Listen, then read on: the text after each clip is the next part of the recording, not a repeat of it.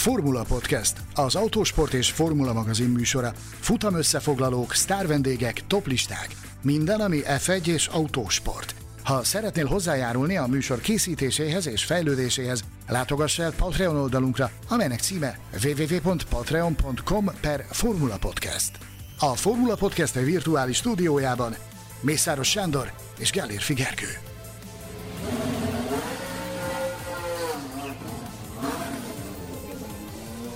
Louis Hamilton nyert az orosz ruletten, és ezzel századossá vált a hétszeres világbajnok. Századik futamgyőzelmét aratta a Mercedes pilótája. Ismét egy olyan mérföldkövet ért el, amelyet hát valószínűleg elképzelhetetlennek tartottunk volna még néhány évvel ezelőtt is, de nem csak erről fogunk beszélgetni, hiszen egy rendkívül izgalmas versenyünk volt Szocsiban.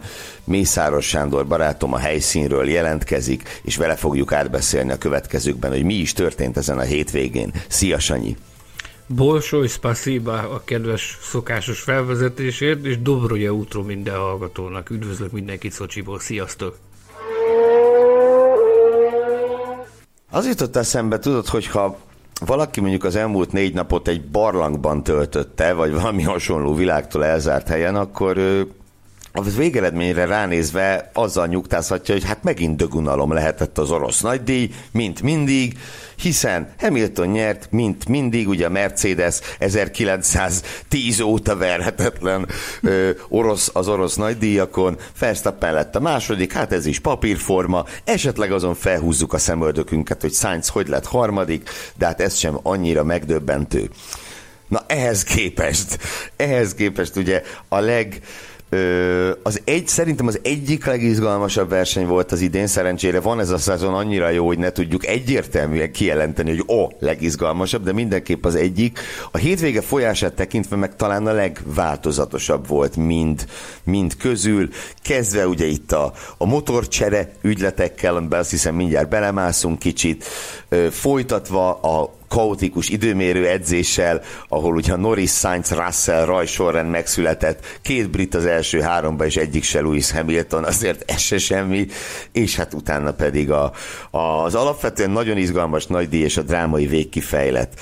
Ö, de talán kezdjük onnan, hogy Szocsi. Ugye, ha van pálya, amit hosszú évek óta rugdal össze-vissza mindenki, magamat is beleértve, mondván, hogy ennél unalmasabb versenyhelyszín egyszerűen nem létezik, és ezen a pályán nem lehet izgalmakat, ö, hát nem hogy elvárni, elképzelni sem, ö, akkor a Szocsi. És bizony most ö, Hát most újra kell ezt értékelni, mert nem is kell ehhez annyira sok minden, csak az, hogy egy kis eső érkezzen a Fekete-tenger irányából. Ha megengedsz nekem egy apró sztorizást, ugye annak idején, annak idején a Hungaroring 1986-tól 2006-ig várt az első esős versenyére. Egyetlen egy session volt 1998-ban péntek reggel, amikor volt eső, tehát az mindenki elkönyvelt, hogy a Hungaroringen az kizárt, hogy eső legyen, aztán amikor jött az eső, akkor abban egy instant klasszikus futam kerekedett Jensen Button első futam győzelmével. Szocsiban sem volt még durva eső soha az évek során, és épp a, a, a verseny hetének a kezdetén beszélgettünk erről a, a verseny promóterével, Alex Kitovval, akiről fogunk még beszélni ebben az adásban, hogy mit tudtunk meg az orosz nagydíjak jövőjéről. Szóval vele beszélgettünk arról, hogy hogy, hogy is néz ez ki, hogy, hogy náluk gyakorlatilag elképzelhetetlen az, hogy, hogy eső az eső, és akkor abban maradtunk, hogy, hogy azért megnéznénk, hogy hogy néz ki egy esős futam ezen, a, ezen az agyon szidott, pocskondiázott, és most már ugye az utolsó napja egy számláló versenypályán. Amiről egyébként mindenképpen szeretnénk megjegyezni, és ajánljuk hallgatóink figyelmébe az alkotót, Herman Tilkét, aki itt nálunk a Formula Podcastben mesélt ennek a pályának a keletkezési körülményeiről. Én úgy gondolom, hogy aki azt meghallgatja, az egy picit jobban megérti, hogy, hogy miért is lett ilyen ez a pálya, amilyen.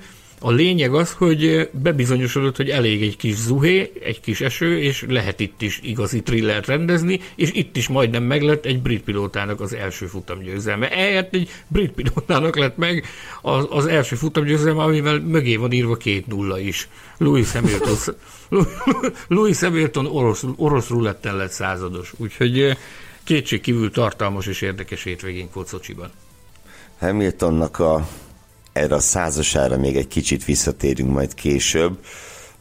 Én azt javasolnám, hogy induljunk el itt a, az első állomástól, vagy közelítsük meg a, a, már a hétvége első állomásától, vagy közelítsük meg a bajnoki versenyfutás szempontjából ezt a, ezt a, ezt a thrillert, ahogy mondtad. Ugye itt a motorcserékre gondolok.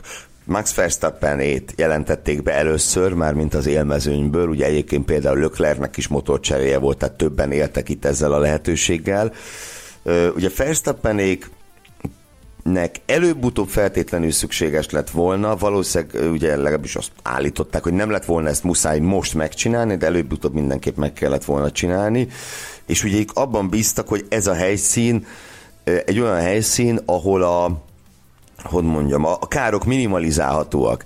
És végül persze ehhez nagyon-nagyon kellett az uhé, de végül ez tökéletesen sikerült is, tehát ennél jobban én nem hiszem, hogy kijöhettek volna belőle a motorcseréből. Persze akkor, ha megnyeri, de hát ez fölért egy győzelemmel azért a második hely a 20 indulva, és és ha lehet verstappen én még boldogabbnak láttam, mint hamilton akivel persze szintén magar, madarat lehetett fogatni a győzelmet követően, de hát Hamiltonban az a pici kis tüske ott lehetett, hogy e, amikor beálltott az első helyet jelképező rózsaszín felirat mellé, elnézett jobbra, hogy oda, oda megérkezett egy Red Bull, és szerintem ő nem, nem ilyen autót akart látni maga mellett. Nagyot nézett, meg nagyot is hallott, amikor közölték vele, hogy Verstappen a második, ott a csapatrádión ugye nem nagyon volt szava, nem nagyon volt válasza. Lehetett hallani, hogy elállt a lélegzete, amikor közölték vele azt, hogy, hogy Max Verstappen futott be másodikként. Közelítsük meg ezt a motorkérdést onnan, hogy erről a Verstappen féle motorcseréről gyakorlatilag az egész monzai hétvégén ment a pusmorgás, hogy akkor ezt mikor lesz ezt célszerű megejteni. Ugye nem kell ahhoz olyan nagy ördöngőség, hogy a, a következő néhány helyszín közül ez a pálya volt az, Szocsi, ami papíron és tények alapján is arra predestinálta a helyzetet, hogy itt ők akármit csinálnak, a győzelemre minimális esélyük van, Azért, mert ez egy Mercedes territórium. Ezt, ha ránézzünk a Szocsi pályának a múltbeli eredménylistáira, ez gyönyörűen, ez gyönyörűen kirajzolódik, nem fogunk más gyártót találni ezen a bizonyos listán, úgyhogy úgy, volt, úgy közelítették meg, hogy ilyen tekintetben ez optimális lehet ez a pálya. Na most ezt nyakon öntötte még az időjárás előrejelzés is ami már egy olyan 8-10 nappal a hétvége kezdete előtt azt jelezte, hogy 60% feletti az eső valószínűsége minden egyes napra. Ahogy közeledtünk a Szocsi hétvégéhez, úgy erősödtek ezek az előrejelzések, hogy ez bizony egy, egy igazi komoly esős hétvége lesz, és ugye amikor elkezdődött a hétvége pénteken, akkor a második szabad edzés közben jelentette be a Red Bull azt, hogy akkor, akkor meglépik ezen a hétvégén, hétvégén ezt a bizonyos motorcserét. Volt ebben egy nagy adag stratégiai húzás, ebben, hogy ekkora időzítették ezt a, ezt a bejelentést, ugyanis hát ugye minél később hozod a, az ellenfél nyilvános, az ellen, minél később kötöd az ellenfél órára az ilyen jellegű lépést, még akkor is, ha sejtik, hogy ez be fog következni, akkor is van egyfajta helyzeti előnyöd, plusz amire odaértünk péntekre, akkor itt már mindenki esküdözött arra, hogy itt, itt tényleg komplett özönvíz szerű esőzés fog érkezni. Láthattuk Móni Istvánt, a, az F3-asok sportfelügyelőjét, amint, az, amint éppen azzal töltötte a szombat délelőttjét, amit totálisan elmost az hogy Noé bárkájával kapcsolatos leírásokat keresett, mert összebeszéltünk a Pistivel, és hát megnéztük, hogy gyakorlatilag 825 kilométerre van a pályától az Ararat hegy, ahol Noé annak idején kikötött a bárkával, és ahogy kinéztünk, gyakorlatilag azt láttuk, hogy itt, itt, itt akár még ez is bekövetkezhet. Azaz van esélyetek elérni valahogy az arra rátig, hogyha az időjárás úgy hozza, és nyilván úgy is hozta, ugye, hogy itt a szombati program jelentős része az törölve lett, annak azért örülök, hogy nem az lett a sztori vége, mint Spának, és a, a nagy díjat meg lehetett rendezni. No de, egy picit, egy, picit, egy picit ragadjunk itt le, mert ugye én, na, én nagyon erősen kritizáltam a FOMot a spái történések után, úgy itt a Formula Podcastben, mint az Autosport és Formula magazin hasámjain, nagyon csekély a valószínűsége annak, hogy emiatt lépett a FOM, mert mi kritizáltuk őket itt a műsorban. Azért ne zárjuk ki. Ne zárjuk ki ennek a lehetőséget, igen. szóval ennek a hétvégének az előrejelzések fényében már úgy vágtak neki, hogy volt B-terv.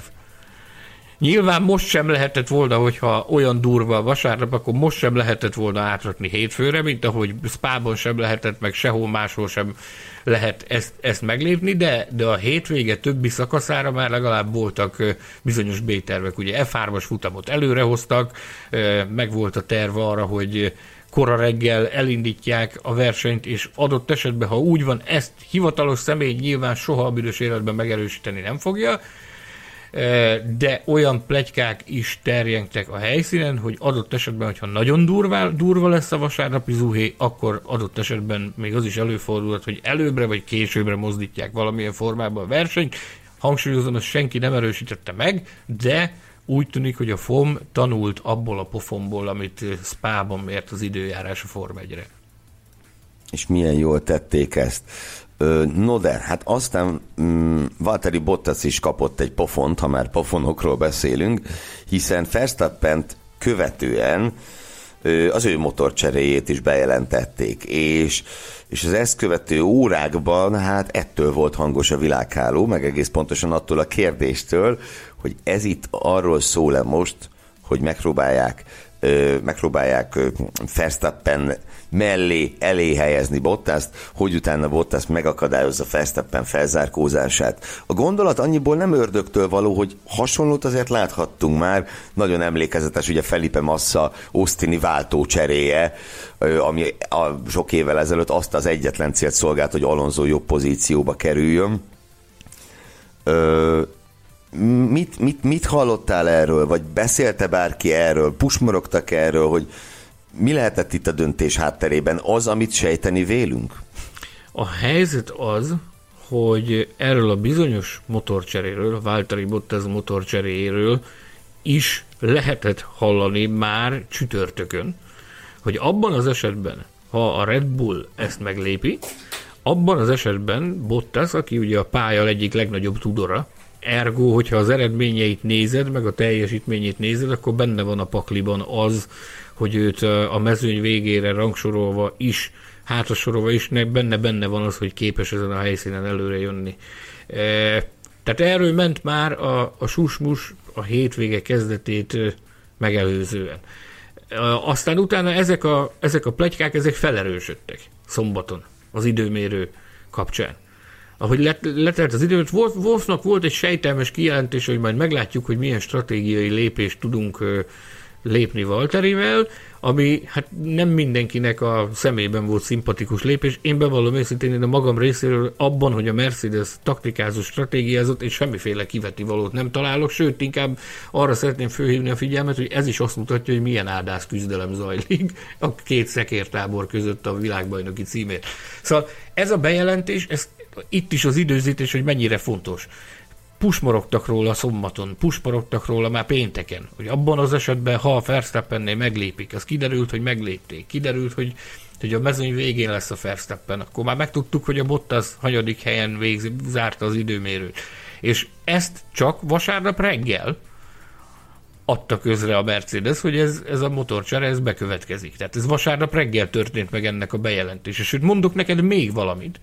Arról is zajlottak pusmorgások, hogy, hogy lehet, hogy érdemes lenne ezt meglépni Lewis Hamiltonnal is.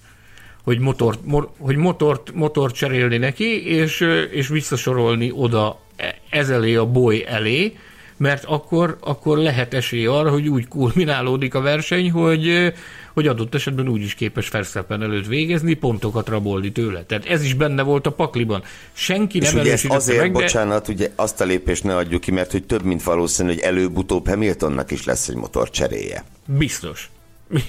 Biztos, tehát ez nagyon nehéz elképzelni. Sőt, hogyha megnézed, Ugye a hivatalos indoklása a Mercedesnek az az volt, hogy szükségesnek ítélték a, a Bottas féle motorcserét. Jó, nyilván azt nem fogja mondani, hogy gyerekek, belenyúlunk a tutiba taktikailag, és most a, amiatt, amiatt cserélünk motor, de azt mondták, hogy, hogy van műszaki oka is annak. Nem fette fel a Wolf, hogy mi, de azt mondta, hogy van műszaki oka is annak, hogy motor cseréltek. És hogyha megnézed, motor cseréltek Nicolas Latifi autójában is, ami szintén egy Mercedes erőforrás. Úgyhogy a, a brit sajtó, a Lewis Hamilton 8. világbajnoki címét féltő brit sajtó, az azon nyomban neki esett a, a Mercedes vezetésének, mint kisborjú az anyjának, hogy akkor mostantól ugye akkor a, a, az, az erőforrásoknak a megbízhatósága az most már aggodalomra ad okot, ugye?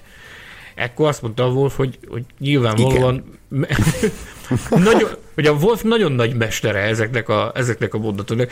Nem ugyanabban a stílusban beszél, ezekben a körmönfont, nagyon-nagyon érdekes szavakkal megtűzdelt mondatokkal, mint annak idején Ron Dennis, de, de, de neki is vannak nagyon-nagyon jó és hát hogy is mondjam, csak ilyen odamondogatós válaszai, amikben úgy nagyon szépen el van bújtatva a lényeg, de hogyha ismered azt, hogy ő hogy beszél, akkor megtalálod benne a mondani valót. Hm. Hát jó. Na, és akkor ugye említetted már az időmérőt, uh, ahol egy nagyon-nagyon érdekes sorrend alakult ki. Kicsit már az időmérő vége is egy ilyen orosz rulett jellegű volt. Bocsánat, annyira közhelyes az orosz rulett, de nem tudjuk kihagyni, mert ez tényleg egy nagy szerencsejáték volt, ami itt Mo- zajlott. Egy dolog, egy dolog még mielőtt tovább lépünk a világbajnok Igen. aspiránsoknak a motorcsere hullámába, vagy ebbe a motorcsere hullámba ugye bekapcsolódott.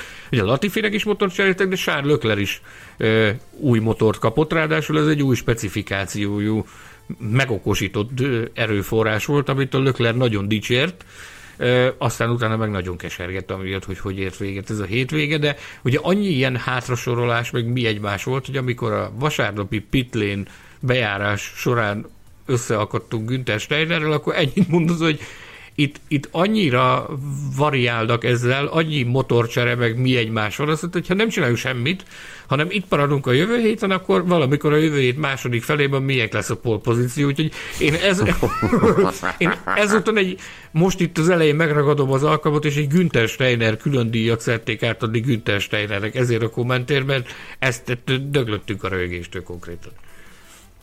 Teli találat, teli találat. No, szóval, szóval hogy volt itt egy elég furcsán alakuló időmérőnk, amihez amelynek furcsa alakulásához hozzájárult ugye Louis Hamilton hibája is, amivel gyakorlatilag kiírta magát a polpozícióért zajló küzdelemből. És ezen a ponton viszont egy elmesélem én is nekem, hogy zajlott a szombat délutánom, mi évfordulós bulit tartottunk szombat délután este kis bográcsozással egybekötve, és ezért én az időmérőt nem láttam. Legalábbis élőben és megérkezett a szeretett sógorom, kérdeztem, hogy na, figyú, időmérő mi lett? Azt mondja, á, sima Hamilton. Tényleg mondom. Na, és akkor kinyitom a formula.hu nevű weboldalt, Norris, Paul, Russell harmadik. Mondom, mi van?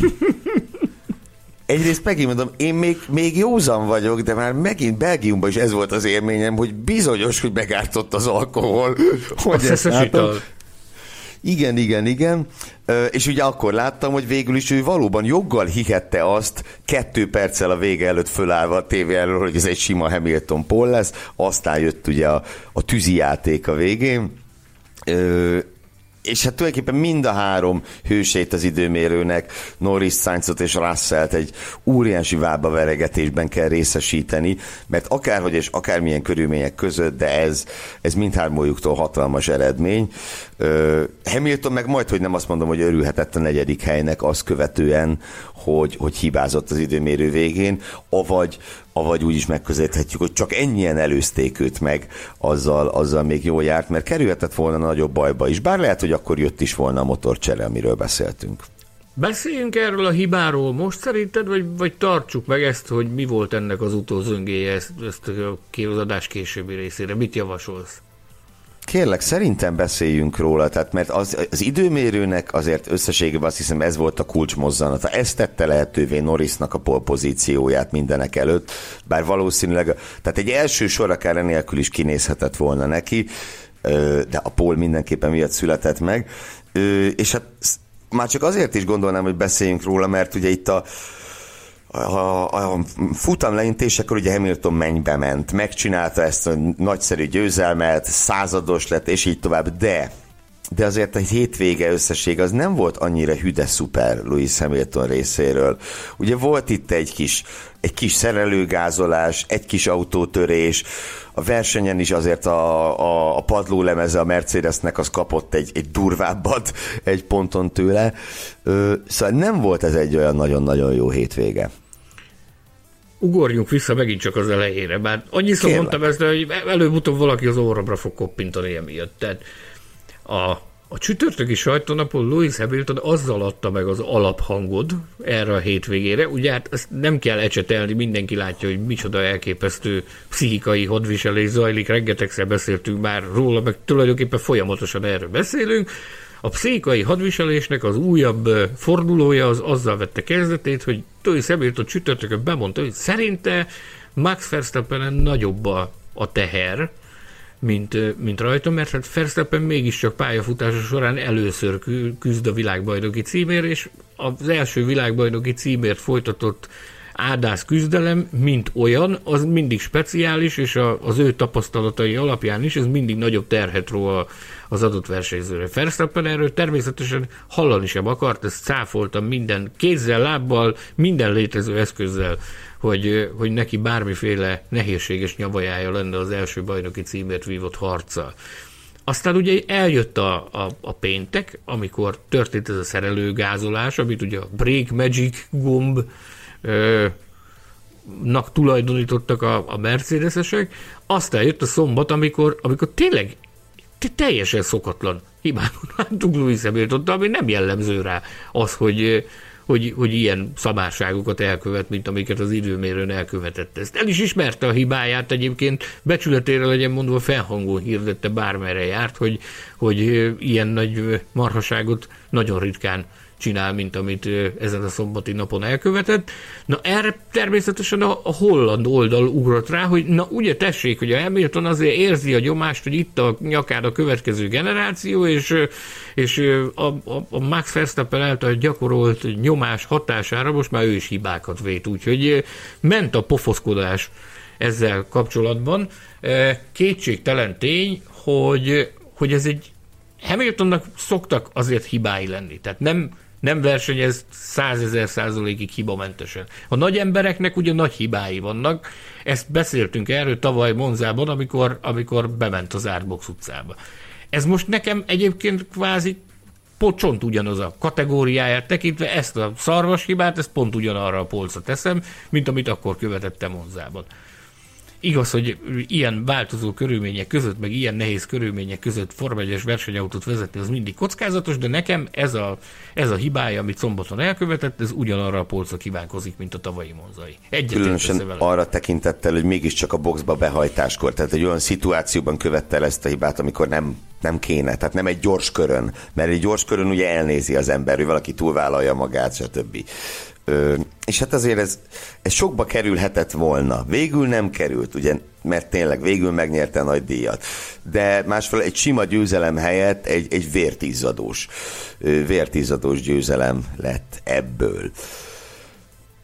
Nem is titkolta, akkor... hogy ezért kőkeményen meg kellett dolgozni ezért a győzelemért, meg, meg kellett hozzá a szerencse is, egyáltalán nem titkolta, ugyanakkor azt is meg kell jegyezzem, hogy hogy ennyire felszabadultnak, meg, meg ennyire örülősnek a Hamiltont, mint amilyennek tegnap délután láthattuk a, a televíziós ketrecben, meg a pedokban járva kelve, már nagyon régen nem láttuk. Mert elég régen is nyert már futamot. Azért... Hát még az ütközős brit nagydíj. Az volt Bizony. az utolsó. Bizony. Nem most Bizony. Volt. Képzeld el, hogy a német, a, a sajtónak a német szegmense azzal próbálta őt sarokba szorítani, hogy gyakorlatilag az elmúlt néhány hétvégén ez újra és újra felmerült különböző sajtós kerekasztal beszélgetéseken ez a kérdés, hogy ugye Louis átokül rajtad ezzel a századik győzelemmel kapcsolatban. Szegény már már nem tudod mit mondani erre szombaton, azt mondta, hogy teljesen mindegy, hogy mennyit kell várni a, a, a századikra, azt mondta, hogy úgy érzi, hogy képes rá, hogy ezt a százost, ezt, hogy, tehát, hogy behúzza a századikat, azt mondta, hogy nem aggódik emiatt, de a, a németek valami miatt makacsul újra és újra, és mindig notóriusan ugyanaz a az a szegmens a német sajtónak ugyanazok hozakodtak elő ezzel. Ez a téma, hozzáteszem, tegnap ez most már múlt idővé vált. Hát igen, mert ugye a 99. óta, ha megnézed, akkor nyert futamot Esteban Okon az Alpinnal, Verstappen nyert egy simát, meg egy fordítottat, gondolok itt Spára, ugye a fordított alatt, a McLaren 9 év után ismét futamot nyert, és hát majdnem megszületett Lando Norris első, első győzelme is. Ö, ahogy így rákanyarodunk akkor az adás második etapjára, a díjazásokra, Hát mindenek előtt azt ki kell hirdetnem, hogy döbbenetes fölénnyel nyerte meg Lando Norris a Best Followers külön díjat, azaz a hétvége emberének, a mi szeretett hallgatóink, követőink ö, óriási egyetértésben választották meg Lando Norris-t, és és nem tudunk nem egyet érteni. Nagyon összetett a Norris sztori, és most itt szeretném fölhívni a figyelmet, írt a szavazás alá a a Best Followers külön díj szavazása alá írt egy hosszú kommentet állandó követőnk, olvasunk Viszlói Kristóf, aki egy nagyon más irányból közelítette meg Norrisnak a hétvégéjét, és ő azért arra hívta fel a figyelmet, hogy itt egy óriási ökörséget csinált Lendo azzal, hogy nem ment ki a boxba, amikor hívták, stb. Ö, és mindamellett, hogy én, én egyet tudok érteni ezzel a kommenttel, szerintem azért volt nagyon érdekes, meg azért is hívom rá figyelmet fel, mert hogy Norris versenyét is, meg gyakorlatilag az egész hétvégét is több különböző szemszögből lehet értelmezni. Több különböző nézőpontból. Ilyen szempontból is egy nagyon izgalmas hétvége volt, mert igen, mondhatjuk azt, ugye, hogy Norris túlzott kockázatot vállalt, ha mondjuk Hamilton után egy körrel kijön ő is a boxba, akkor az egy tükörsima második hely. Ehelyett, ö, ehelyett ugye mit csinált? Ő megpróbált nyerni. Nem akart második lenni. Hatalmasat kockáztatott, csak abba gondoljunk bele viszont, hogyha egy picit megfordul a szél, mondjuk Hamilton kiállása után 20 másodperccel, akkor évekig emelegetnénk, hogy mekkora húzás volt Lando Norris-tól, hogy kimaradt a pályán, és éppen szenté avatnánk, és Szent Lendóként folytatná Formula 1-es pályafutását az első futam győzelmét követően. Visszatekintve könnyű azt mondani, hogy túlzott kockázatvállalás volt, mert az volt. De én azt gondolom, hogy a tehát az első győzelemért én egyszerűen nem tudom elítélni őt, hogy ő bevállalt ezt a kockázatot. Ami igaz, az akkor is, hogy valóban konstruktőri pontokat dobált el, valóban hátrányba került, mert ha ne feledjük, a bajnok összetett harmadik helyért van harcban, hátrányba került Bottasszal szemben, vagy még nőtt a hátrány Bottasszal szemben, így mondom. De én azt gondolom, hogy ebből a 20 srácból, aki a mezőnyt alkotja, nem ő az egyetlen, aki hasonlóan döntött volna a helyében.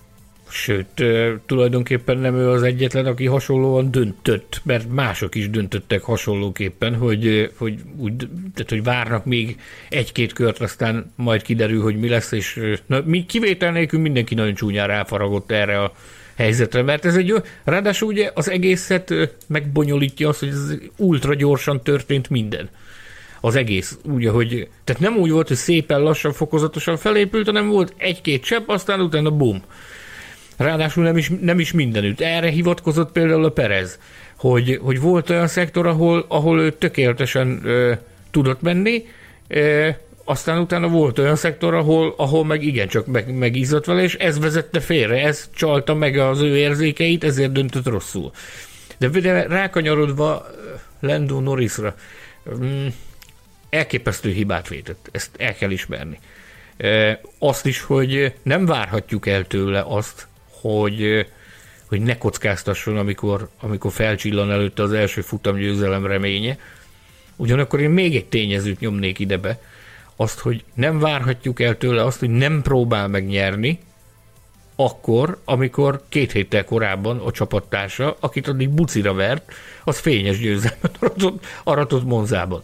Tehát ez hogy, vár, hogy is várhatnánk el? Az az ember, az lehet, hogy a, teljesen egyértelműen a nyilvánosság felé más mutatott, hogy jaj, de boldog vagyok, jaj, de örülök neki, hogy a csapattársam nyer, de az nyugodtan legyen mindenki, hogy otthon a tapétát biztos, hogy tíz körön megkaparta a falról, hogy miért nem én.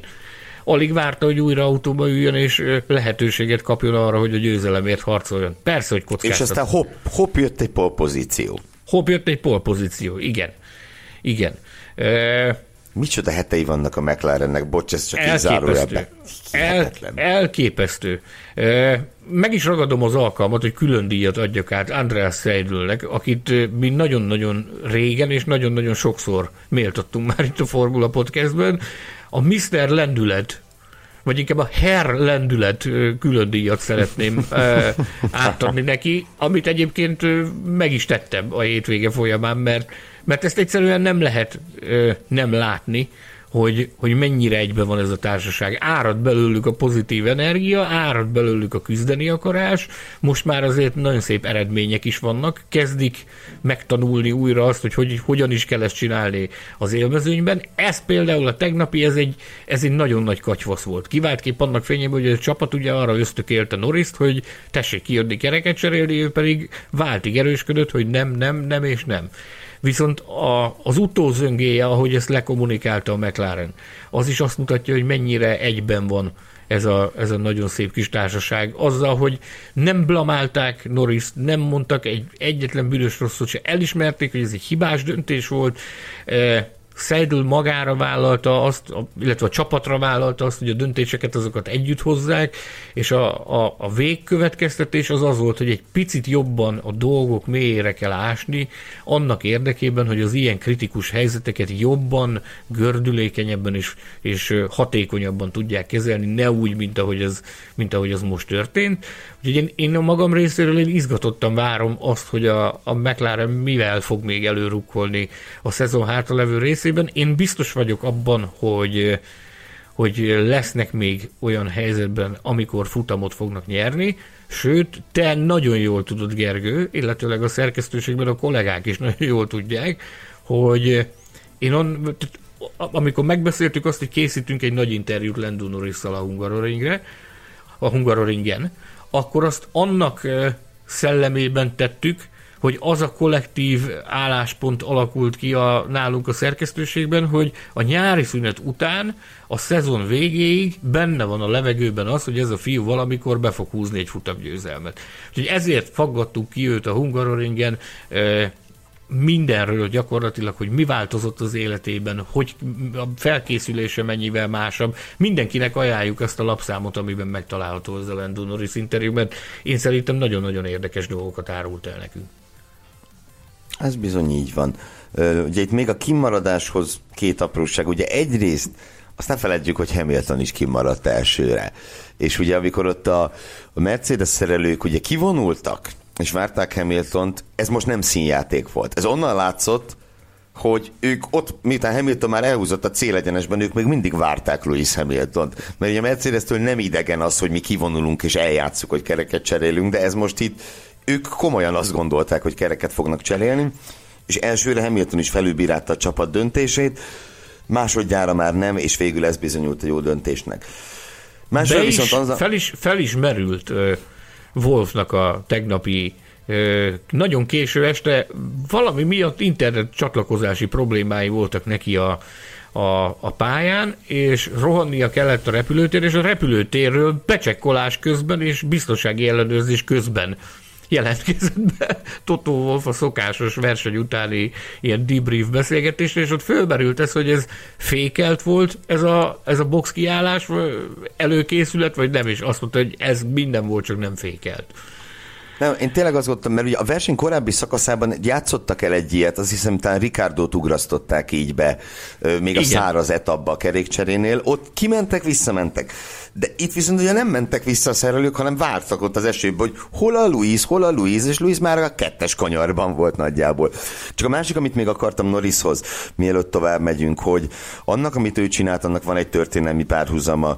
Ö, mm, méghozzá Rubens, Rubens Barrichello első győzelme, 2000-es német nagydíjon gyakorlatilag így született meg, hogy Barrichello nem ment ki a boxba, amikor mások kimentek, és kimaradt ö, slickeken, ö, nem is slick, nem, akkor ilyen bordázottak voltak, de hogy száraz gumikon kimaradt, ö, amikor a többiek fölrakták az esőgumit, és ez, amit mondtam, és Barrichello mennybe ment, hogy ez, ez mennyire csodálatos dolog volt, és, és mondom, hogy itt egy kicsit máshogy alakul, csak egy kicsit megfordul a szél, ami persze nem történt meg, de akkor Norris ugyanígy a mennybe ment volna, hogy mekkora, mekkora döntés hozott, és micsoda bátorság volt a csapattal szembeszállni, és a többi. Apró dolgok választják el a, a hírót meg a zírót egymástól, na nem mint tehát összességében szerintem így is. Kalapemelést és minden egyebet érdemel Norris hétvégi teljesítménye, mert azért a száraz pályás tempója mellett nem menjünk el szó nélkül, hogy hú, az rendben volt. Azért az nagyon rendben volt, amit ő szárazon csinált.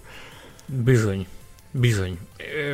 Picit visszautalva még a verseny utáni első egy-másfél órára. Tehát ugye a protokoll az, hogy amikor kiszáll a nem dobogós versenyző az autóból, akkor elmegy a televíziós ketrecbe, lenyilatkozik. Ez a, az első kötelező teendő. A televíziós ketrec után pedig, ha nincs online sajtóértekezlete az adott csapatnak, akkor, akkor jönnie kell a, az újságírós ketrechez. Na most itt, itt az történt, hogy a Norris kiszállt a, az autóból, és annyira feldúlt volt, hogy gyakorlatilag levegőnek nézte a televíziósokat is, bement a, bement a, a McLarennek a hospitality helyiségébe, és csak percekkel később bukkant fel, Maradjunk annyiban, hogy nem vagyok egyedül, aki kísírtnak látta a tekintetét ott abban a pillanatban. Tehát nem tudjuk, hogy az ő sajtóasszisztens Charlotte Sefton, illetőleg a, a, a McLarennek a vezetői hogyan locsolták ott őt fel, vagy hogyan kapták össze. Minden esetre néhány perc múlva megjelent, és azt nem lehet eljátszani, ahogy, ahogy, ahogy ő ott beszélt. De meg is mondta Kerek Perec, hogy nem érdekli semmi, hogy nyerni szeretne, ő akkor ott úgy érezte, hogy az a helyes döntés, ezért hozta meg azt a döntést, egyetlen egy dolgot tud csinálni, azt, hogy addig nem adja fel, amíg be nem húzza az első futamgyőzelmét. Én a magam részéről biztos vagyok abban, hogy ez már az idei évben be fog következni úton van közeleg. Hát az a fotó, amit ő kitett magáról, és meg is egyik kedves követőnk meg is osztotta a csoportban, az az év egyik legerősebb fotója számomra, ahogy réved bele a semmibe, és ugye annyit ért heartbroken, megszakadt szív, ennyit írt hozzá. Uh, Norris... A külön díjat, a külön díjat akarta magának kilobbizni a Formula Podcast? Nálam elérte, Tehát a, figyelj, aki nyilvános posztban kéri magának a megszakadt szív külön díjat, az megkaphatja. Uh, és még annyit, hogy nagyon tetszett, amit Russell nyilatkozott. Uh, aki ugye valami nagyon hasonlót átélt tavaly Szahírban, és is lenyilatkozta, hogy na ezt ő pontosan tudja, hogy ez valami iszonyatos uh, érzés lehet. Erről tudok majd egy, egy fotót betenni a Formula Podcast Facebook csoportba, ahol az látható, hogy a tévés penben egymás mellett állnak, és látod a derűt, meg a boldogságot, meg a magabiztosságot Russell arcán, aki a Williams-el vitézkedett ugye a mezőnynek a felsőbb szegmensében jó sokáig, meg végül csak kiguberált magának ismét egy pontot, ami lassan Öt most már... negyedszer. Bizony, ez most Elmúlt már... öt futamból negyedszer. Most már lassan föl se kapod rá a fejed. Bravo Jánvári Zsoltinak is, akiről még a későbbiekből szót fogok ejteni ebben a műsorban. Viszont az tény, hogy Russell erodálja a sztori értékét a Williams pontnak, mert ami ötből negyedszer megtörténik, az már olyan, igen, ahogy mondtad, nem olyan különleges. Sőt, Russell megy az időmérő után nyilatkozni, másodszor.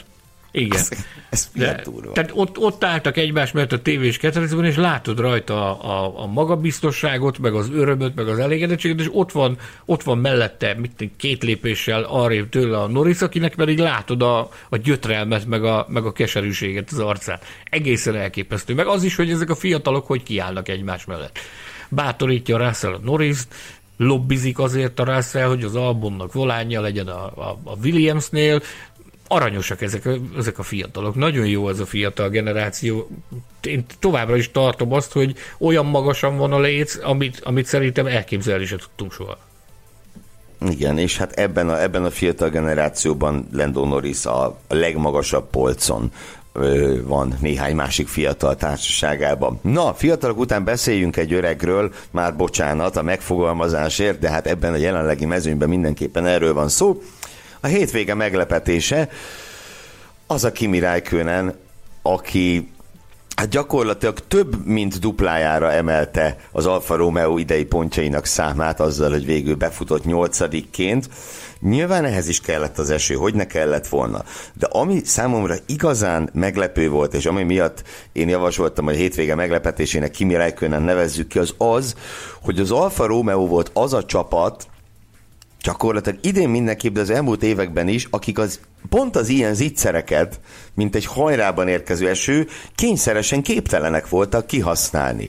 Ugye elsősorban hát idén a Williams jeleskedett ebben, lásd ugye Russell második helyét Belgiumban, meg a gyönyörű dupla pontszerzést a Hungaroringen, de hát az elmúlt években is az, az ilyen ziccelek valahogy nem jöttek össze az Alfa Romeo-nak, és Raikkonen most végre, végre meg tudta ö, csinálni, amivel ugye legalább Nikolás Latifit meg tudta közelíteni az egyéni világbajnokságban. Hát ez még biztos, hogy még mindig nem az, ahol lenni akar, akár Raikkonen, akár a Williams, ez nagyon nem az a pozíció, bocsánat, Alfa Romeo, ez nagyon nem az a pozíció, de legalább végre-végre történt valami, ugye azt követően, hogy két hétvégét Raikkonennek ki kellett hagyni a Covid fertőzés miatt. Egy szenzációs Raikkonen, tehát ő gyakorlatilag radar alatt repülve, mint egy lopakodó, hogy szépen visszasúnyogott, úgy, úgy nagyon-nagyon nem volt a középpontban, majd egyszer csak megjelent vasárnap, mint, mint pontszerző. Tehát ez valami, valami elképesztő. Egy apróságot ide beszúrnék, itt a, ugye a Sauber második, ezt lehet, hogy titulálhatjuk pusmorgás lightnak, vagy ilyen pre-pusmorgásnak, vagy nem tudom minek. Ugye szimatolgatunk ezzel kapcsolatban, mert Fred Vasseur azt ígérte, hogy a második Alfa Romeo volán az valamikor Szocsi után fog eldőlni. Na most én vasárnap leigazoltam, hogy akkor Fred, akkor hogy van ezzel? Azt mondja, hogy figyelj, ezt helyesbítenék, azt mondja, ma délután már azt fogom nyilatkozni, hogy Isztambul után fog eldőlni a második volán sorsa, mivel hogy az is Szocsi után van. Na, ebből lett egy jó kis röhögés, és az apropója az volt annak, hogy megszólítottam, hogy továbbra is az a hír járja, hogy Kuan Yu Chou lehet az, aki, aki megszerzi a, a Sauber második volánját egy jelentősebb pénzügyi csomaggal, de a hétvégén rendkívül jó barátaink, testvéreink, lengyel testvéreink, az, az Eleven Sports, akik a helyszínről közvetítik a Form 1 eseményeket, ők készítettek egy interjút, egy élő interjút a pedagógból Robert Kubicával, ahol a, ahol a vezető pit reporterük, Patrick Miroszlavski neki szögezte a kérdést, hogy milyen esélyeid vannak 2022-re, te esetleg benne vagy-e Robert Kubica abban a, a, a kalapban, akik, ahonnan kikerül majd a, a második számú alfa pilóta.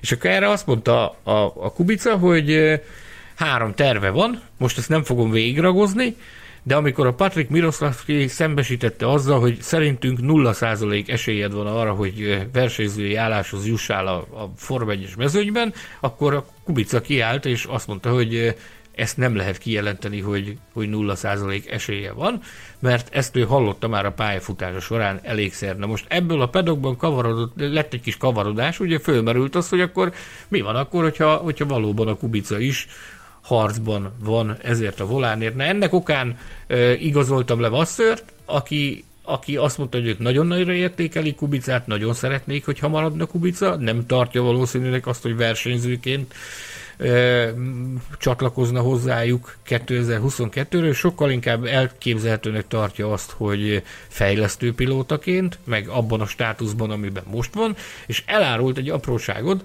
bár a részletekben nem ment bele, de azt mondta, hogy ugyanezen a hétvégén nem vezetett Robert Kubica FP1-en, de nagyon sok olyan apró visszajelzést adott, amit Räikkönen is és Giovinazzi esetében is fel tudtak használni, be tudtak építeni, úgy, hogy annak érdemi eredménye is lett. Úgyhogy ez a, az Alfánál ott két pilótáról beszélünk, Räikkönenről, Giovinazziról, de, de nagyon-nagyon magasan van, nagyon magas polcával helyező náluk Robert Kubica is. És én ezt nagyon-nagyon nagy örömmel hallom. Raikönenre pedig még annyira visszatérve, hogy ehhez az eredményhez nyilván egyrészt kellett az, hogy ezt Raikkonen megcsinálta. Tehát az ő érdemeit azt hogy mondjam, nem is akarná senki se elvitatni. Dehogy is, no, dehogy is akarjuk. Norris, dehogy is akarjuk. Norrisszal nem bírt el, de, de hát például egy, egy Sergio Perez elől kellett menekülni a hajrában, aki egy Red Bull-al érkezett, és ezt sikeresen, ö, sikeresen meg is tudta tenni.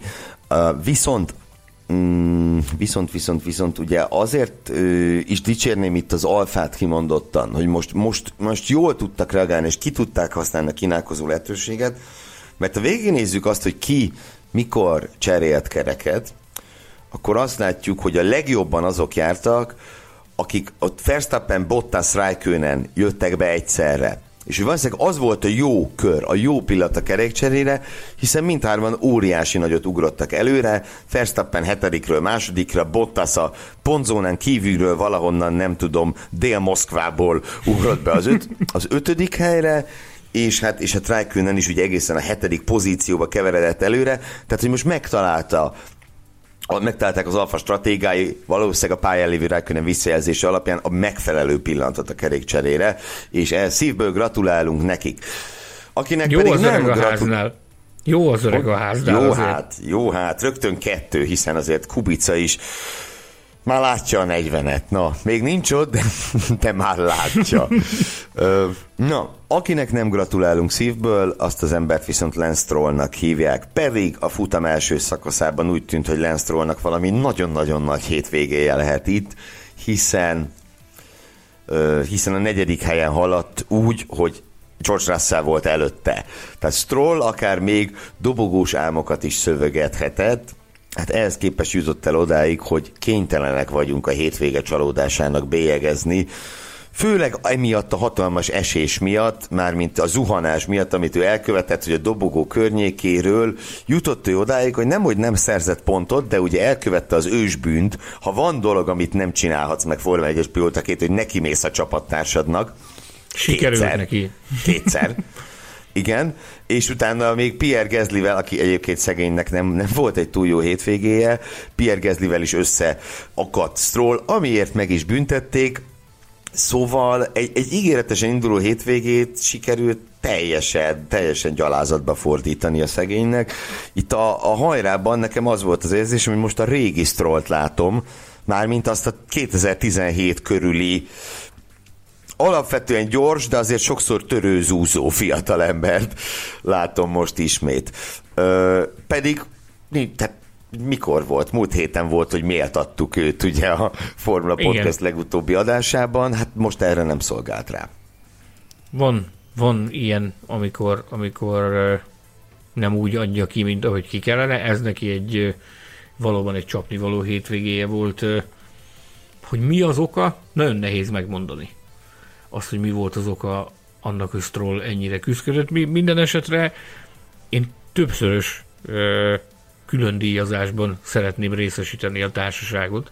Tehát szerintem a Stroll megérdemel egy, egy vaddisznó külön díjat ezekért a, ezekért a, ezekért a mutatványokért, de én azt gondolom, hogy talán joggal irányítjuk a magas vérnyomás külön díjat is ebbe a, az irányba az Aston Martin felé, tehát ez pont nem az, amit Lawrence Stroll vagy ott már Safnauer látni szeretne, de ezt lehetett látni a verseny után az arcokon, hogy hát volt már jobb napjuk ezeknek az uraknak, az az igazság.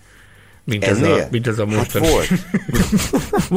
volt már jobb napjuk, és akkor nagyon-nagyon finoman fogalmaztam. Tehát nyilvánvalóan a, a, az általunk felajánlott magas vérnyomás különdi nem fogja őket felvidítani, de mi úgy gondoljuk, hogy ez teljes mértékben megérdemlik, és abban is biztos vagyok, hogy ezután a verseny után nagyon nagy eligazítás lesz Silverstone-ban a, a gyárban, ahol, ahol én azt gondolom, hogy a nagyon-nagyon nagy főnök is az asztalra fog csapni most a szokásosnál talán nagyobbat is, mint amit eddig, eddig megtett ilyenek, ilyen esetekben. Ez ugyanis egész egyszerűen nem, nem vállalható, ami, ami ott zajlott ezen a hétvégén pedig most lehetőségük lett volna faragni a hátrányukon az Alfa Taurihoz képest. Ugye az Aston Martinnak most már, így a szezon utolsó harmadába fordulva, az egyetlen célja az lehet, hogy a a bajnoki hetedik helyről egyet előre lépjenek a, az Alfa Taurit megelőzve. 25 pont a lemaradásuk, ami nem kevés, és ugye most az Alfa Tauri megint nullázott Ginorba másodszor, és ezt nem tudta kihasználni az Aston Martin,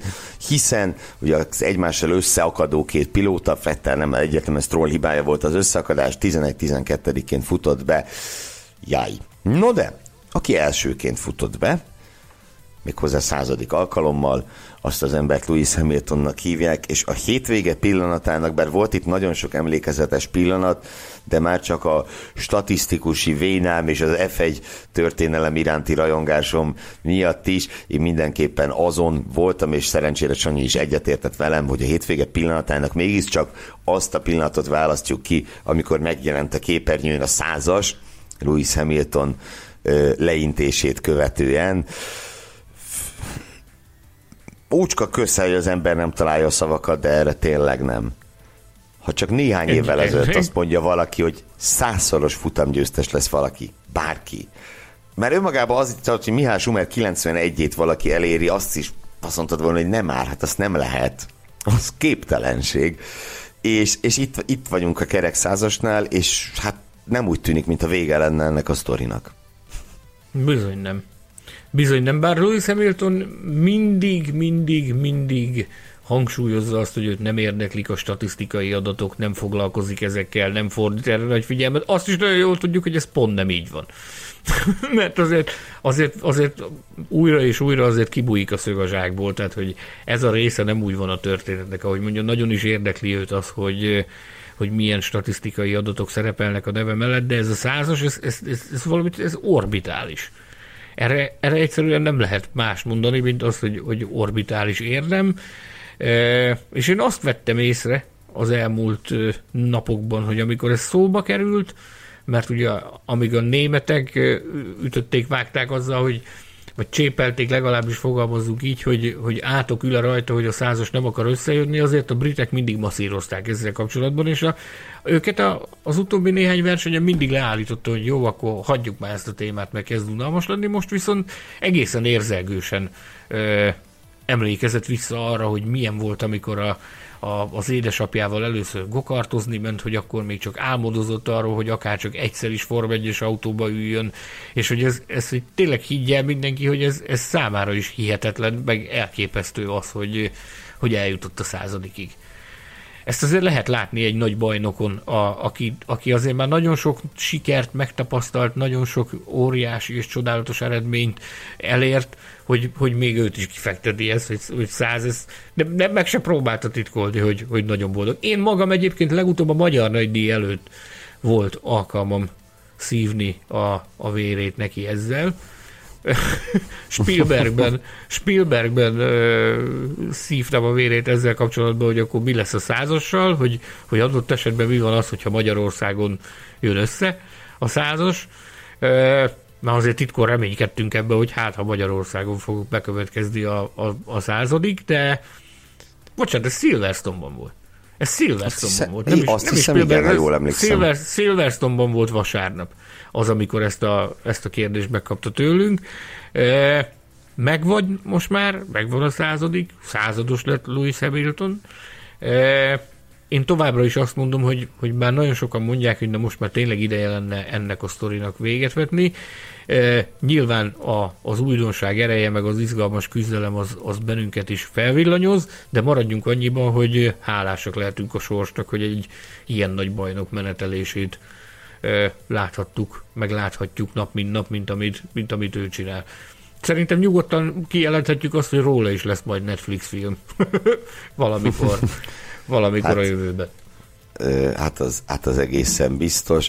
A, amit még ezt hozzá akartam tenni, hogy és ez a nagy bajnok most ugye, csak hogy mi kicsit térjünk ki Verstappenre is, most bizony nagyon, nagyon ellenfelére akhat, hiszen ugye mindketten azért, azért mély, mélyről jöttek föl ezen a hétvégén. Nyilván különösen Verstappen az utolsó rajthelyről, tehát Hamilton is nem elég, hogy az időmérőt elrontotta, és csak a második sorból rajtolt, ami az ő esetében csak a második sor, de ugye újabb pozíciókat vesztett a rajtnál, sőt, ezt követően nem is tudott a kiállásokig előrébb jönni és tehát megint azért itt a verseny harmadáig egyáltalán nem úgy nézett ki, hogy, hogy majd most lesz meg a századik, És aztán viszont amilyen tempóban átjött a mezőnyön a kiállást követően egészen addig, hogy utolérte Lando norris akin egy picit fönnakadt, ö, a többiekhez képest mindenképpen, az viszont megint csak elképesztő volt. Ö, és a, abban nem nagyon lehet belekötni. Hogy meg lett volna az eső nélkül ez a győzelem, ez az a nagyon érdekes kérdés, amire nem tudom a választ, de hát nem is feltétlen kell.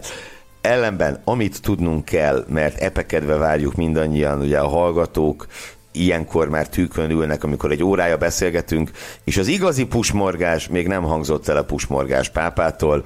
Szóval, Sanyikám, kérlek, celebrálj nekünk, miket szedtél össze itt a Kubica, Kubica sztorin kívül a, a Szocsi pedokban? Csipegettünk már itt azért pusmorgásokat. Maradjunk annyiban, hogy Oroszországban vagyunk, Oroszországban volt a verseny, én most Oroszországról pusmorognék egy kicsit.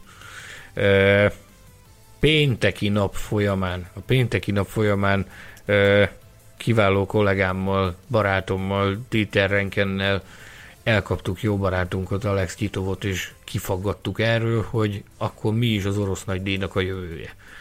Ugye ez eleinte plegykákat hallottunk egy két évvel ezelőtt arról, hogy adott esetben talán Szocsit, Szocsit hanyagolják és irány Szentpétervár, akkor minden érintett cáfolta. Aztán mégiscsak kibújt a szög a zsákból, és, és megtudtuk, hogy 2023-ban már Szentpétervár mellett az Igora Drive versenypályán rendezik az orosz nagydíjat. Na ennek a hátteréről próbáltunk érdeklődni, hogy hogy mi indokolja ezt, hogy, hogy új helyszínre visznek. Mert azért akármit lehet azt mondani, hogy Szocsi unalmas, unalmas, de az egy jó bejáratot, és én a mai napig mondom, hogy szerintem az egyik legjobban szervezett Form 1-es verseny, lebonyolítását, meg minden egyebet tekintve. Azt a választ kaptuk erre, hogy az evolúció az oka. Azt mondja, hogy azt mondja Alex Titov, hogy gyakorlatilag eljutott arra a szintre a Form 1 az ismertsége Oroszországban, hogy hogy most már, már az embereknek megvan az igénye arra, hogy ha van másik pálya, ahol ezt meg lehet oldani, akkor, akkor szeretnék másik pályán is látni a, a Form 1 világbajnokságot. Ugye az Igora Drive az ebben a tekintetben nem volt alapvetően alkalmas arra, hogy Form 1 nagy díjat rendezzenek, ott különböző átalakítási munkálatok zajlanak majd a 2023-as versenyig, de, de üzleti szempontból is nagy fantáziát látnak abban, hogy gyakorlatilag egy Európához Európa európai részéhez és észak-európai részéhez is nagyon közel levő, jól megközelíthető helyszínre viszik a versenyt. Abban reménykednek, hogy adott esetben a későbbiekben mert, mert ki lett mondva, hogy van ilyen elgondolás és ilyen elképzelés, hogy adott esetben akár Oroszország két nagy díj megrendezésére is hajlamos lenne, vagy, vagy, vagy szívesen vállalkozna. Akár az is elképzelhető, hogy a későbbiekben a helyzet úgy alakul, hogy, hogy Szocsi és az Igorra Drive váltásban nincs exakt és konkrét terv arra vonatkozóan, hogy az, ez hogy fog kinézni majd, de az biztos, hogy költözik 2023-ban az orosz nagydíj az Igora Drive-ra, és ez volt az igazán érdekes nekem ebben, hogy június-július környékén, tehát nyári időszakban lesz a, a cári városban az orosz nagydíj, amikor mi, mi van ott? Na, meg tudod mondani? Ott? Ott bizony. Nem. Akkor nem. vannak az úgynevezett fehér éjszakák, amikor, amikor gyakorlatilag az éjszaka közepén is valamennyire világos van, mert, mert, mert nem megy le a nap. Ez, ez az, abban az időszakban lesz, amikor a fehér éjszakák vannak Szentpéterváron, úgyhogy azonnal be is indult a poénkodás, hogy lehet, hogy ez lesz az első éjszakai Form 1 verseny, amit világítás nélkül is meg lehet rendezni. Szocsi, Szocsi későbbi hasznosításával kapcsolatban annyit tudtunk meg, hogy, hogy lokális autóversenyeknek fog otthont adni. Ugye van egy kialakult múltja már ennek a pályának a Forma 1 kapcsán, ennek okán is nagyon sokan kíváncsiak rá, ugye Szocsi egy nagyon közkedvelt turista paradicsom a, a Fekete-tenger partján, a legnagyobb hírű orosz üdülő övezet de, tehát életben lesz tartva itt az olimpiai parkban a pálya, lesznek rajta autóversenyek 2022 után is. Itt fölmerült az, hogy adott esetben MotoGP, aztán kiderült, hogy korábban tárgyaltak MotoGP-ről, de, de az többször is bebizonyosodott már, hogy ez a pálya MotoGP rendezésre semmilyen formában nem alkalmas, úgyhogy ez, ez el van vetve, de, de az oroszok tervezik azt, hogy ha a Forma 1 el is kerül innen, más csúcskategóriás vagy magasan jegyzett versenysorozatokat szeretnének Szocsiba elcsábítani jó próbálkozást, vagy tényleg, tehát hajrá, a MotoGP az valóban, tehát hogy? Az, az, az olyan irreálisnak tűnik. De igen, tehát nem egy, nem egy rossz pálya ez egyébként, és el tudom képzelni, hogy más, másfajta autóknak, másfajta autók számára sokkal, sokkal, sokkal ö, alkalmasabb lesz, és, és sokkal izgalmasabb versenyeket hozhat. Hát meglátjuk. Maradjunk ennyiben.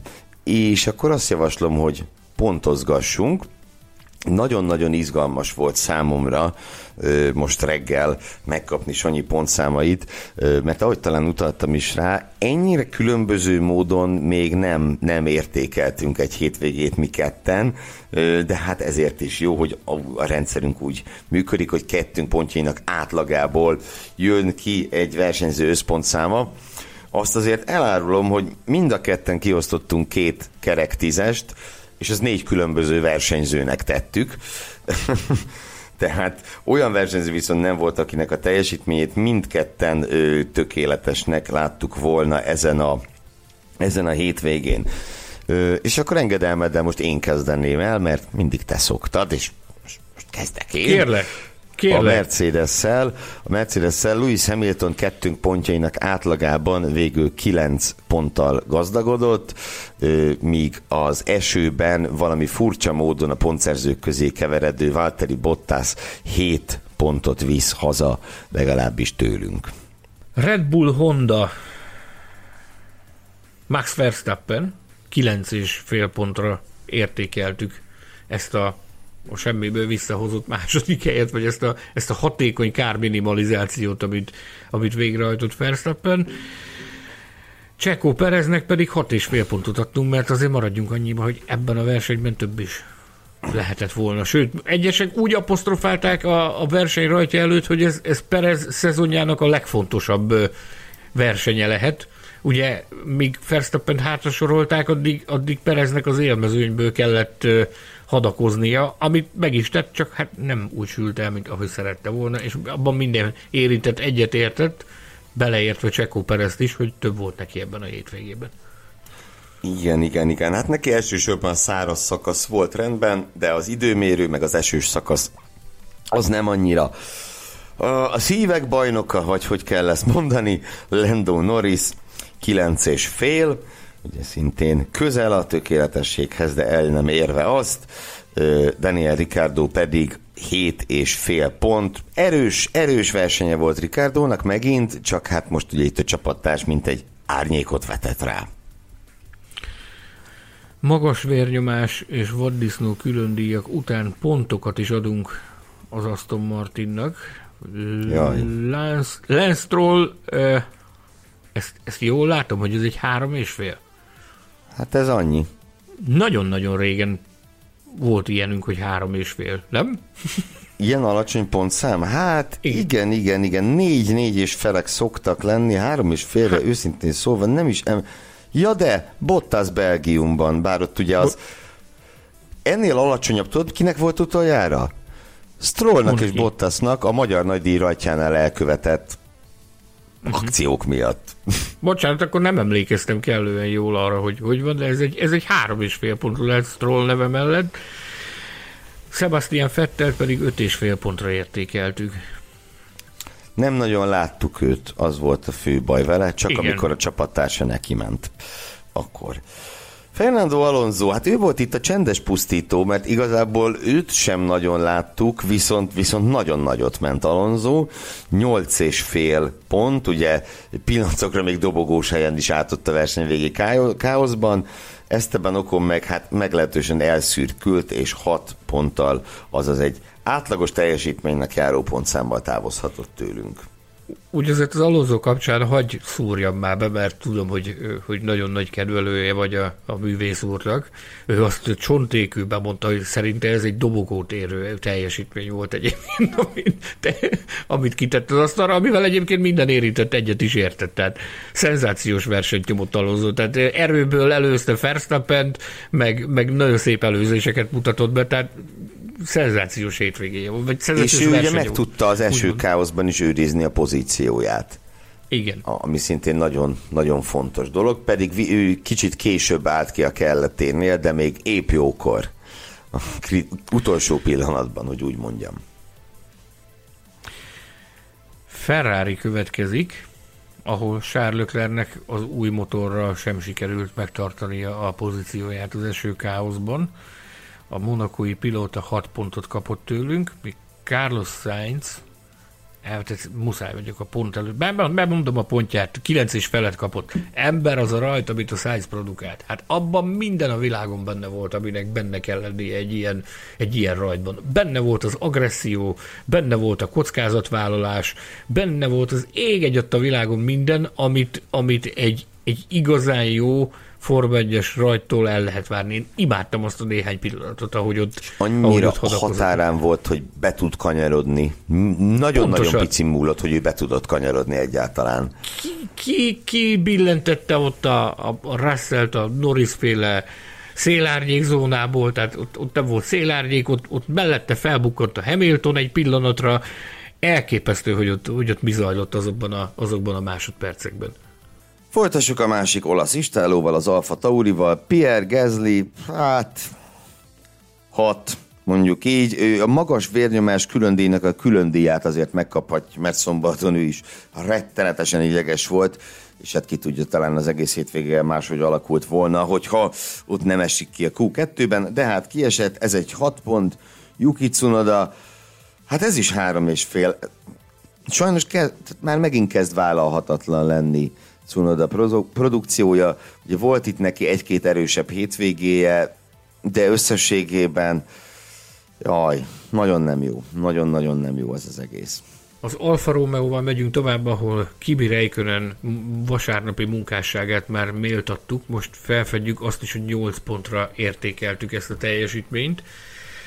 Antonio Giovinazzi-nak pedig 5 eh, pontot adtunk, ugyanakkor én ide is szeretnék beszúrni egy külön díjat, ez pedig a potméter külön díj lesz szerencsétlen Giovinazzi-nak, akivel én nem is tudom, hogy hagyatszor fordult már elő az utóbbi időben, hogy rádió problémái voltak. Most épp, eh, most épp gyakorlatilag a teljes versenytáv alatt nem tudtak mit kezdeni az autójában a rádió kapcsolattal. Portugáliában is volt neki ilyen, hogyha ha emlékeim nem csalnak, meg máshol... Aztán ott lehet nagyobb baja is. Igen, igen, igen, igen, igen, igen. Szóval a, a potméter külön díjat a, az, a, az állásáért és a jövő évi pozíciójáért harcoló, ám de nagyon-nagyon szerényen teljesítő Antonio Giovinazzi-nak 5 pontot adtunk. Akkor következzék a Williams. George Russell ezúttal 8 és felett kapott tőlünk, hogy miért nem többet, hát talán azért, mert ugye ahhoz képest, hogy milyen csodálatosan teljesített a verseny első szakaszában, végül a pontszerzéshez is kellett némi malac, de hát volt, meg ugye annak van szerencséje, aki megérdemli, tartja az ordas közhely. Nicolas Latifi jó időmérő után egy nagyjából semmilyen verseny, ami kieséssel végződött, 6 pont. És akkor meg is érkeztünk egy orosz érdekeltségű, az egyetlen orosz érdekeltségű társasághoz, a, a házhoz, ahol Nikita Mazepin első alkalommal versenyezhetett Forma 1-es pilótaként a hazai nagy díján, és úgy alakult itt a helyzet, hogy Mick Schumacher előtt fejezte be a futamot, mert hogy Mick Schumachernek hidraulikai okok miatt fel kellett adnia a versenyt. Ott volt egy nagyon csúnya időmérő Mazepinnek. Hát volt. Ha, amire ugye a magyarázat az az volt, amit egyébként nagyon sokan persze szkeptikusan fogadtak, meg legyintenek rá, meg, meg nem tudom. Nyilván benne volt az, hogy nem adta ki, de, de a hivatalos indoklásodban az is szerepet vállalt, de az is szerepet játszott, hogy, hogy olyan eltérő beállításokkal mentek, hogy mindenféle időjárási körülményekre készen álljanak. Na most ezen lehet persze elmélkedni, meg nem elmélkedni, ez így jött ki, Mazepin célba ért, Mick Schumacher hidraulikai okok miatt nem ért célba, Ralf Schumachert 6,5 pontra értékeltük, Nikita Mazepinnek 4,5 pontot adtunk, és egy, egy jótékony srác külön díjat is adunk neki, mert amit az a gyerek a hétvégén leművelt, ilyen, ilyen különböző közéleti szerepvállalás kapcsán azért tényleg minden tiszteletet, meg dicséretet megérdemel. Én mindig megkapom a pofámba, hogy én, én méltatom Mazepint, én azt gondolom, hogy ha valami jó, akkor azt azelőtt kalapot kell emelni, az pedig valóban megsüvegelendő, hogy, hogy több, most derült ki az, hogy több sérült és beteg gyerekeket gondozó, istápoló alapítványt támogat ő maga is, illetőleg a, a, a családja is, ezek mellett korteskedtek, kampányoltak mindenütt. E, az, amikor bekövetkezett ez, hogy a szombat délelőtti edzést törölték, e, az időjárási viszontagságok miatt, akkor ezt az időt ő arra használta fel, hogy küldetett egy Szocsiban élő kisfiúért, akinek nem tudom megmondani, hogy milyen milyen problémája vagy betegsége van neki, de, de Nikita Mazepin tudott erőmet tartja a kapcsolatot ezzel a kisráccal, mert, mert ő a kedvenc ennek a fiatal gyereknek. E, autót küldetett érte, és e, behozta a pedokba, a garázsba is bevitte, az autóba is beültette, tehát nagyon-nagyon szép volt az a jótékonysági munka, amit végzett a hétvégén, és ember emlékezet óta először fordult elő, hogy egy versenyző még a hazájába látogató újságírókra is gondolt, egy, egy TEA válogatással ajándékozta meg a helyszínre látogató ö, sajtómunkásokat. Nikita Mazepin, ugye az orosz TEA az világhírű, ezt ki kell jelenteni. Kaptál ilyen teát? Igen. Na, hát ez, ez nagyon-nagyon jól hangzik. Egy tea válogatás, amiben van karéliai tea, meg, meg, meg tatárföldi tea, meg az úristen tudja, hogy milyen, még nagyon egy fancy kis dobozkában van benne részletes leírással, szamovár használati tudnivalókkal, meg minden egyébben. Szamovárt azt nem kaptunk hozzá, de nem is nagy baj, mert nem tudnánk hazavinni, úgyhogy... igen, igen. Pontszámok hangoztak el? Elhangoztak pontszámok, Csodálatos igen, vagy. megismétlem, Mick Schumer 6,5 pont, Nikita Mazepin 4,5 pont. Hát nagyon szépen köszönöm, köszönjük. A külön díjak következnének, de hát itt ugye most kicsit rendhagyó módon Én az, ad, a külön díjakat. Az adás során kiszórtuk őket, és nem nagyon maradt a zsákban. Egyetlen apróságot szeretnék még felhozni, igazából csak örömködni akarok egy kicsit, így, így remélem, hogy ez közös öröm mindannyiunk számára. Mm, tegnap este lelkendeztem Sanyinak arról, hogy 26. F1-es szezon ez, amit úgy végigkövetek, de hogy, hogy eljutottunk oda, hogy ezt most már a legmagasabb polcon kell ezt az idei szezont ö, emlegetni, ott, a, ott, ahol mondjuk 2012 tartózkodik, vagy ahol, vagy ahol 2006 tartózkodik. Elképesztő évünk van, és, és hát nyilván az is nagyon jó, hogy most azt kéne mondanod, hogy melyik volt az évverseny, hát meg lennél lőve, nem? Hogy Ez biztos. Melyik is? Ez biztos. Ez biztos. Vo- volt, mert más években amikor mondjuk az évvégi szavazást csináljuk, az év versenye, megvan az a két-három futam, amely úgy egyértelmű, mert úgy kiemelkedik. Tehát itt, itt minden második verseny az év versenyének titulálható gyakorlatilag. Egészen szenzációs évünk van, és én nagyon-nagyon boldog vagyok ettől. Igazából ezt a nem ezt vagy a pozitív... vele egyedül. Én hangsúlyozom ezt úton útfélen, hogy, hogy szerencsések vagyunk, hogy ezt a szezont élőben láthatjuk. Hogy ezt nem csak majd máshonnan kell YouTube videóból, meg, meg nagyon szép könyvekből olvasgatni erről, hogy, hogy hogy is volt, mint is volt akkor, hanem ezt láthatjuk a saját szemünkkel. Na de, még egy dolgot szeretnék elmondani, ami nagyon fontos lenne. Házunk tája rovatot nyitunk most itt hirtelen, ahogy a magazinban van, ugyanis én két nagyon-nagyon a szívemnek nagyon fontos különdíjról megfeledkeztem, kérlek szépen. Kérlek. Szeret, szeretném átadni. Stahanov különdíjban részesítem Móni Istvánt, a Magyar Nemzeti Autosport Szövetség és a, a Nemzetközi Automobil Szövetség F2-es, F3-as sportfelügyelőjét, aki, aki elméletileg ugye az F3-as futamon kellett volna, hogy szolgálatot teljesítsen Austinban, csak hogy oda nem megy az F3, hanem ide telepítették őket Szocsiba. Többek között Móni Pistit is, aki útnak indult ide, hogy hogy teljesítse feladatát sportfelügyelőként, amikor, amikor ideérve megtudta azt, hogy az egyébként a vezető sportfelügyelő, szegény embernek elkavarodott az útlevele, vagy nem tudjuk, hogy mi történt vele, de, de nem akart ideérni az Istennek se. Washingtonból ö, Szocsiba. Úgyhogy na, f, f, gyakorlatilag ismét ez az úgynevezett remote stewarding ment, tehát a, az illető úriember Washingtonból az internetes kapcsolaton keresztül stewardkodott, így még a szokásosnál is nagyobb, bár a vezető sportfelügyelő tisztséget ez az úriember Dennis Dean viselte, a, a munka dandárja és a helyszíni felelősség az Móni Pisti vállát terhelte, aki, aki csodálatosan megoldotta ezt a feladatot. Ugye bajnok avatás történt a, az F3-ban ezen a hétvégén. Úgyhogy Stahanov külön díjat adunk Móni Pistinek, illetőleg a nagy visszatérő külön díjat is újra le kell poroljuk, és át kell adjuk kiváló technikai igazgatónak, Jávári Zsoltnak, aki egy, egy, egy kisebb pauza után, amit egyébként ő maga is, még nyaralás közben is ilyen remote módon dolgozott, tehát dolgozott akkor is, csak, csak, csak nem a pályáról, vagy nem a gyárból, e, most fizikálisan is visszatért Jánvári Zsolt egy kisebb ilyen jellegű pihenő után, úgyhogy ő is fölvette a szolgálatot Szocsiban, és hát látjuk a, az eredmény az megvan, George Russell pontot szerzett, úgyhogy bravo Jánvári Zsolti, a nagy visszatérő. Ez így van, szeretettel gratulálunk mindkét, mindkét jó barátunknak. Nekem pedig egy olyan kérdésem van még hozzád, hiszen ugye hamarosan hazaindulsz Szocsiból egy moszkvai megállóval, és váratlanul Magyarországra látogatsz többnapos hivatalos látogatásra, hogy ha már Moszkvában át kell szállnod, elmész megnézni Lenint?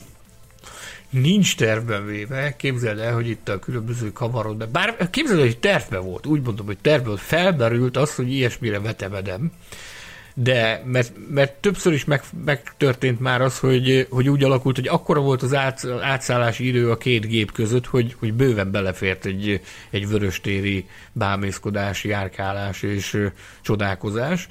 Most viszont ez úgy adta ki sajnos a különböző kavarodások, átfoglalások és mi egymás kapcsán, hogy ez egy, ez egy reptéri éjszakázás lesz. Úgyhogy és Moszkvában már nagyon hideg volt, gyakorlatilag egy héttel ezelőtt is, amikor idefelé tartottunk, ilyen 5 fokot mutatott a hőmérő, azóta gondolom nem gyújtottak be, és lett sokkal melegebb az idő, úgyhogy én most ezt kihagynám, úgyhogy nem kockáztatom. A reptéren fogom meghúzni magam, onnan fogom nézegetni a Formula Podcast Facebook csoportba érkező kommenteket, és még, még lehet, hogy még beszélbe is elegyedünk a drága hallgatóinkkal, mert mostanában nem nagyon volt időm arra, hogy, hogy beszélgessek velük, de hát ha majd most.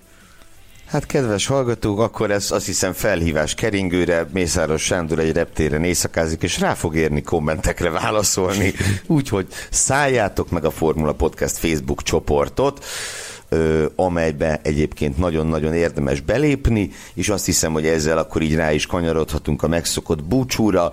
Egy-két fontos szolgálati közleményre hívnám fel a figyelmet, úgy, mint a www.formula.hu URL alatt található weboldal olvasgatása kötelezően ajánlott a, a kedves hallgatóság számára. Az új autósport és formula magazin nyomdába adáshoz közelít lassan, de az előző természetesen még kapható címlapján Valentino Rossival. Azt hiszem azt a kis kulisszatitkot is elárulhatjuk, hogy megkezdtük a munkálatokat a két év összefoglaló kötetünkön, és a cél az, hogy a karácsony falatot lehessen minden Forma egy és minden autósport rajongó számára a Szágoldás és Cirkusz, illetve az Autósport évkönyv című kiadvány. Emellett hadd hívjam föl szíves figyelmeteket a www.patreon.com per Formula Podcast oldalra, ahol a mikrotámogatási rendszerünk található, és nagyon megköszönjük, hogyha valaki egy kisebb, közepesebb, vagy akár nagyobb összeggel hozzájárul a Formula Podcast működéséhez Továbbá meg kell még emlékezni mindenképpen elnyűhetetlen főszerkesztőnkről, Betlen Tamásról, aki a következő adásban minden bizonyal velünk lesz, Hilbert Peti kiemelt főtechnikusról, aki ennek az adásnak is, meg nagyjából úgy az összesnek is az utómunkáját végezte, valamint Fűzi Andrisról, akinek ismételten köszönjük a csodálatos borítót, Ö, Sanyikám, nagyon jó utat kívánok neked haza, és, és ugye az a különleges élmény adatik meg nekünk, hogy a következő adást úgy tudjuk felvenni, hogy Magyarországon tartózkodunk mind a ketten. Nem akármi. És, és azt fogjuk mondani, hogy nyiktonját szusztvujet. Ugye? Bármit is jelentsen ez. Általános iskolai tanulmányaimból fősejlik, hogy ez azt jelenti, hogy senki sem hiányzik. Amikor órán jelenteni kellett, akkor ezt mondtuk, hogy nyiktonját szusztvujet. Hát így legyen, így legyen, és akkor, kedves hallgatók, ti se hiányozzatok majd legközelebb sem, amikor jelentkezik a Formula Podcast, hogy mikor azt egyelőre fedje jótékony homály, de legkésőbb, legkésőbb egy hét múlva, vagy akár előbb is, addig is legyetek jók, ha tudtok, és szeressétek nagyon az autósportot. Köszönjük szépen a figyelmet, sziasztok! Sziasztok! Hallgass meg korábbi műsorainkat, valamint iratkozz fel ránk Spotify, Google, Apple Podcast vagy más csatornáinkon. A linket megtalálod a leírásban, illetve a formula.hu weboldalon. Ha szeretnél hozzájárulni a műsor készítéséhez és fejlődéséhez, látogass el Patreon oldalunkra, amelynek címe www.patreon.com per Formula Podcast.